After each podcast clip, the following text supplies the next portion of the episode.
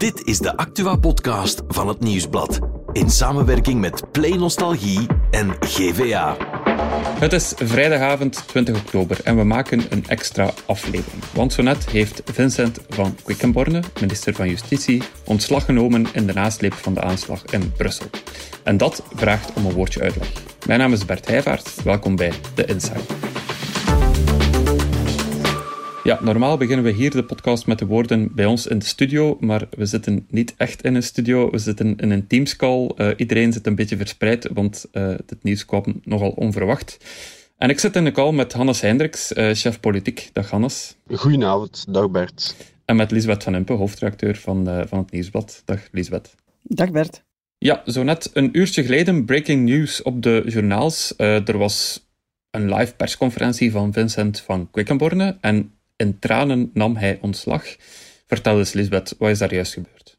Ja, ik moet zeggen, het is een heel verwarrende avond geweest, want het was een persconferentie die nu letterlijk niemand had zien komen. Uh, we denken ook dat enkel de, de televisiejournaals uitgenodigd zijn. We hebben geen uitnodiging teruggevonden. Dus plots was het uh, ja, live in de journaals. Er komt een persconferentie. Niemand wist goed uh, waarover. Alleen dat er nieuwe informatie was in het dossier van de terroristische aanslag van maandag.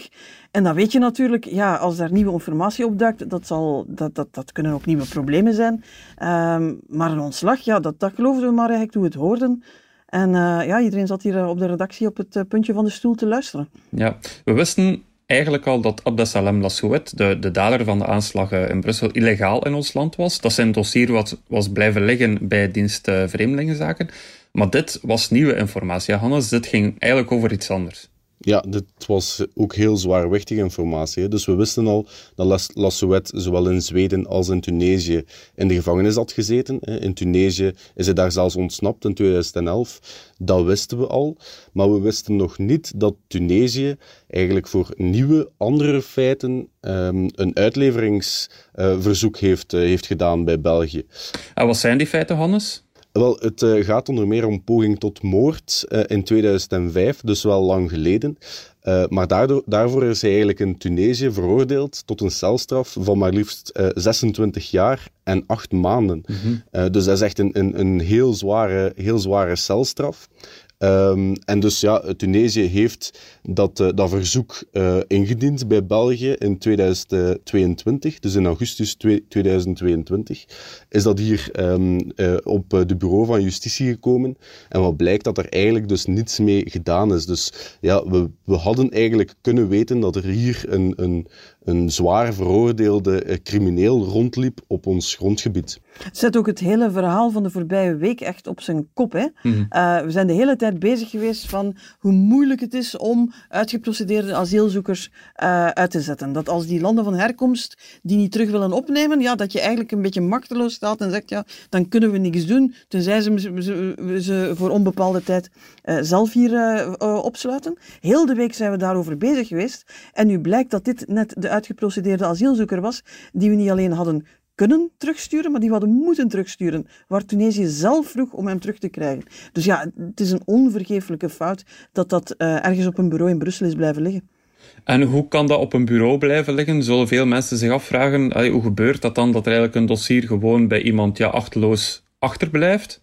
Ja, eigenlijk um, zijn er het voorbije jaar, hè, dus in 2022, um, maar 31 uh, verzoeken op, uh, op die bureau gekomen bij het Brusselse parket. 30 ervan zijn uh, goed behandeld, zegt men nu, en één ervan niet. Dus ja, er wordt dan verwezen naar Murphy's Law, dat alles wat slecht kan gaan, ook slecht is gegaan in deze. Maar ja, het blijft, het blijft super pijnlijk. Hè. En te meer omdat er al heel veel problemen zijn met dat Brusselse, Brusselse parket. Het is niet de eerste keer dat er daar uh, grove nalatigheden eigenlijk worden vastgesteld. En dat was nu dus ook weer het, uh, weer het geval. Ja, dit is de schuld van een magistraat, een individuele fout. Toch neemt Van Quickenborne ontslag. Um, waarom doet hij dat? Want eigenlijk als buitenstaander zou je kunnen zeggen, ja, hier kan hij misschien minder aan doen dan het hele schandaal rond het, het haagplassen in zijn, in zijn eigen voortuin. Hoe komt het dat hij hiervoor wel verantwoordelijkheid neemt? Ja, je moet wel zien, dit is een heel ander verhaal natuurlijk. Hè. Spoel gewoon een kleine week terug. Je hebt Brussel in, in verhoogde staat van paraatheid. Uh, daar, zijn, daar zijn doden gevallen, mensen die gewoon uh, op straat liepen, in een, in een taxi zaten. Die zijn gewoon koelbloedig vermoord. Vervolgens heeft men heel hard moeten zoeken om die man te vinden. Uh, dat is als je op het einde van die week dan moet zeggen van ja, hier is, een, hier is eigenlijk een grote fout gebeurd, dan val je eigenlijk terug op de, de oorspronkelijke definitie van politieke verantwoordelijkheid. Als minister heb je natuurlijk niet zelf dat mapje verkeerd gelegd of in een laag gestoken en dan vergeten, maar je bent wel verantwoordelijk voor het systeem waarbinnen die fout gebeurd is.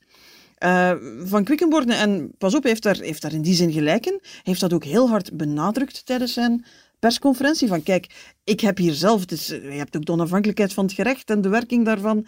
Um, dit is een individuele fout van die ene magistraat, maar ik ben verantwoordelijk voor de werking van het systeem. En ik denk dat hij politiek de situatie juist gelezen heeft, dat je op het einde van zo'n week nu niet kan beginnen zeggen van ja ik, ik blijf toch zitten, ik lamp mij vast. Ja, dit is, dit is wel van een andere orde. Hier zijn doden gevallen en het had vermeden kunnen worden. Je moet ook terugdenken aan de communicatie van, van Quickenborne de voorbije dagen zelf. Hè. Dus inderdaad, er werd heel hard gefocust op het feit dat die man hier illegaal in het land was. Mhm. Van Quickenborne en zijn partij waren eigenlijk de eersten om daarop te springen en te zeggen, ja, we hebben een strenger terugkeerbeleid nodig voor illegalen. Ja, dit gaat niet zomaar om een illegaal. Dit mhm. gaat om een crimineel illegaal, waarbij het woordje crimineel veel zwaarder doorweegt dan illegaal.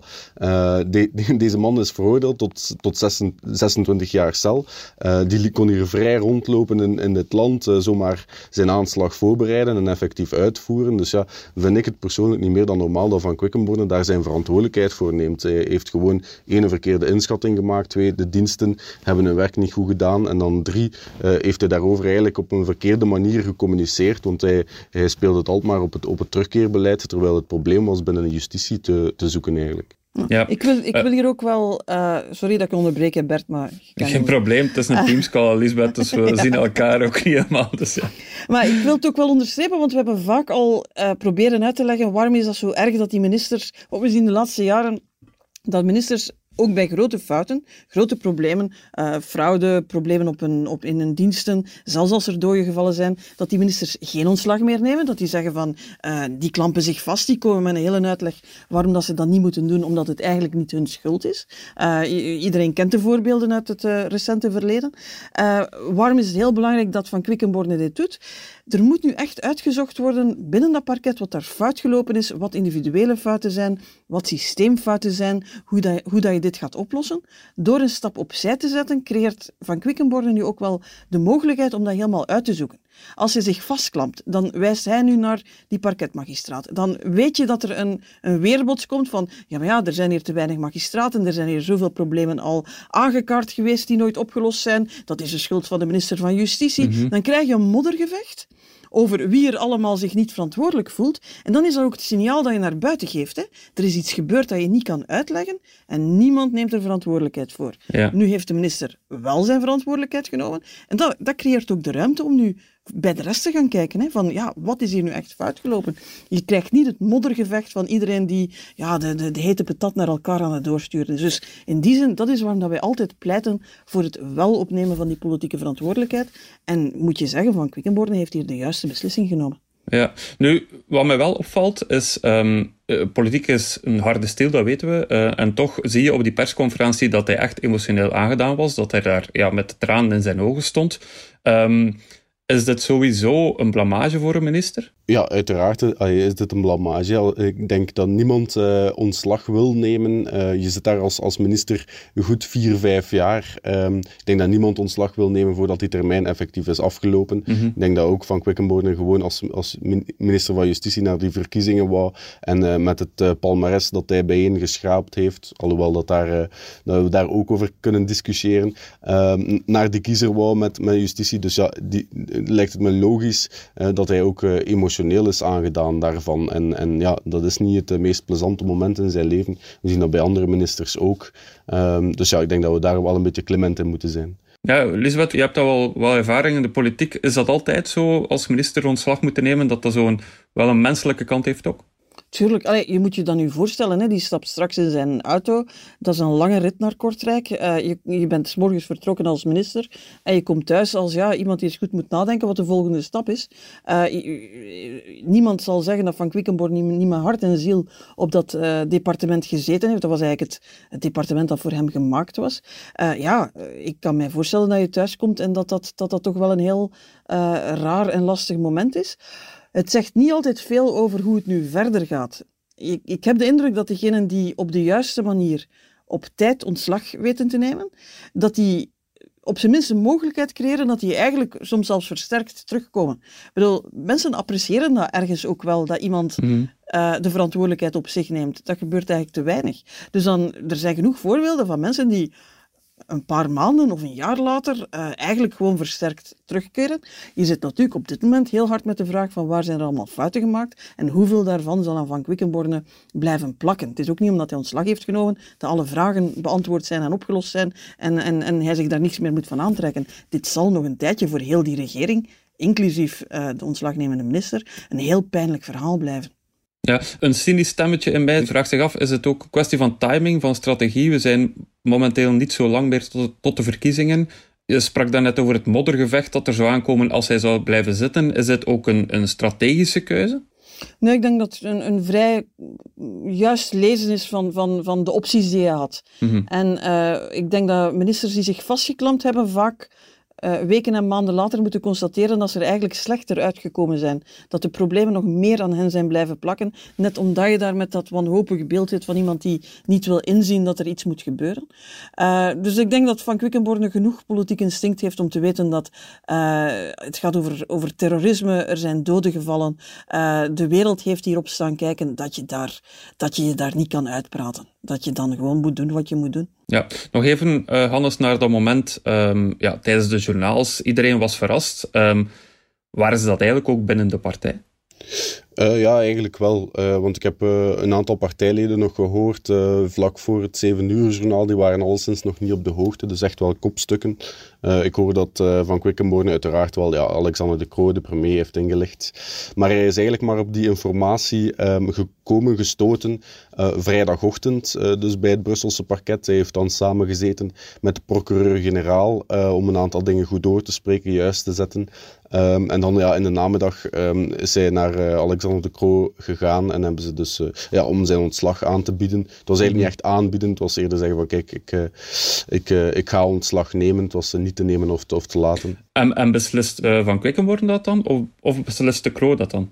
Ja, in deze heeft uh, Van Quickenborn het wel, uh, wel zelf beslist. Uh. Je zag dat ook aan zijn formulering. Hè? Hij zei nogal nadrukkelijk van ik heb de premier ingelicht dat ik ontslag neem. Ja. Hij heeft niet gezegd van ik ben mijn ontslag gaan aanbieden, waar je dan soms ziet dat dat zo'n beetje blijft hangen en dat dat in beraad wordt genomen en wie weet nog geweigerd wordt. Nee, er is vrij duidelijk dat hij zelf de inschatting heeft gemaakt van ik, ja, ik kan hier in deze situatie niet verder functioneren. Ja de vraag die nu natuurlijk de komende dagen zal volgen, is wie volgt hem nog op voor de resterende maanden? Ja, dat is inderdaad een goede vraag. We staan op acht maanden van de verkiezingen. Eh, de liberalen staan eh, sowieso op een bodemkoers in de peilingen, dus het is heel belangrijk dat ze daar de juiste keuze maken, denk ik. Um, wat ik nu hoor, de, de naam die het meest over de tongen gaat, is die van Gwendoline Rutten, uh, een oud bekende, mm -hmm. oud partijvoorzitter en nu Vlaams parlementslid. Um, die is al een tijdje terug bezig aan, um, aan de, de weg naar de top binnen de partij. Ik zal het, ik zal het zo omschrijven. Um, zij zou sowieso een prominente rol gespeeld hebben in de, in de kiescampagne in Vlaams-Brabant. En uh, ze is ook juriste. En ja, eigenlijk, ze heeft de ruzie die ze had met Alexander de Croo, want die was zo wel degelijk, uh, de voorbije jaren eigenlijk. Uh, ze heeft die bijgelegd onlangs. En de voorbije maanden viel al op dat ze heel vaak uh, het standpunt van de partijtop en van Alexander de Croo aan het verdedigen was.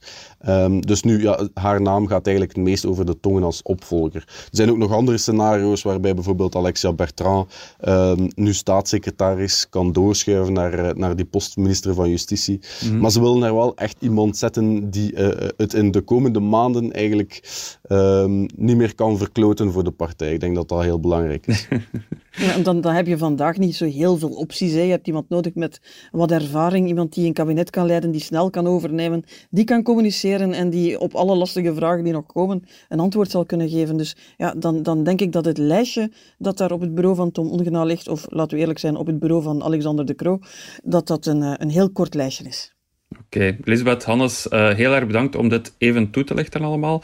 Ik ga jullie verder laten uh, tikken, want er moet ook nog een krant gemaakt worden uh, vanavond. Ja, inderdaad. We zijn nog niet direct naar huis, maar...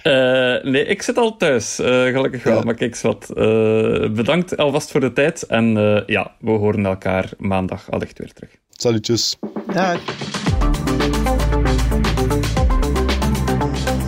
Dit was Insider, een podcast van het Nieuwsblad. De stemmen die u hoorde waren van Lisbeth van Empe, Hannes Hendricks en van mezelf, Bert Heijvaart. De montage was in handen van Pieter Schrevens van House of Media. Bedankt voor het luisteren.